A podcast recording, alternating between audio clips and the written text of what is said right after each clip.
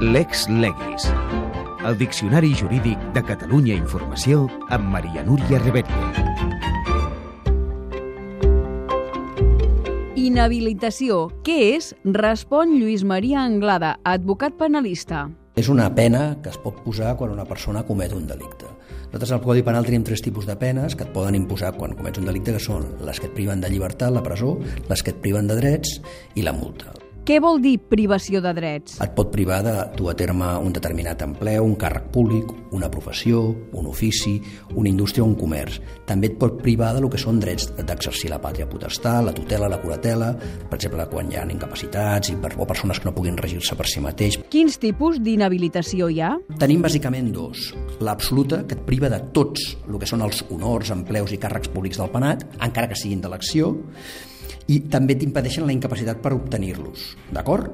Aquests ca honors, càrrecs o empleu públics o de ser escollit. I després hi ha l'especial, que l'especial el que et friva de fet és sobre el càrrec o l'empleu en el que recau en concret.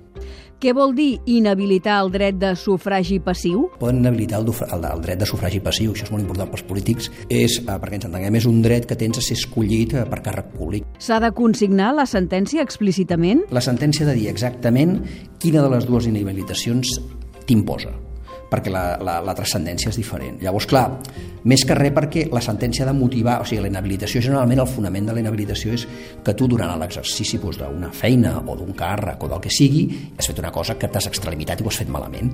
Llavors, la forma de que la societat et pugui castigar és dir, no et deixem que ho tornis a fer durant el temps que et condemnem. A quins tipus de delictes s'aplica? S'aplica de forma genèrica a molts tipus de delictes. Es pot aplicar des de delictes d'àmbit sexual, com podrien ser inhabilitació, per exemple, per un pare doncs, que violi els o gent que tingués pornografia infantil, que no poguessin, per exemple, tenir contacte amb nanos, àmbit docent, es pot aplicar tot el que són delictes de caràcter polític, una mica, tot el que serien delictes contra la mesa justícia, suborns, eh, infidelitats, tràfics d'influències... Em pot posar un exemple? Llavors, la inhabilitació no és més que res un remei per dir ja que una persona, doncs, un administrador d'una empresa que l'ha dut a terme malament, no l'ha administrada degudament, perquè ha estafat a molta gent i ha falsejat documents, doncs se li diu, escolta, durant el temps a vostè aquesta condemna no pot doncs, fer, a continuar administrant empreses.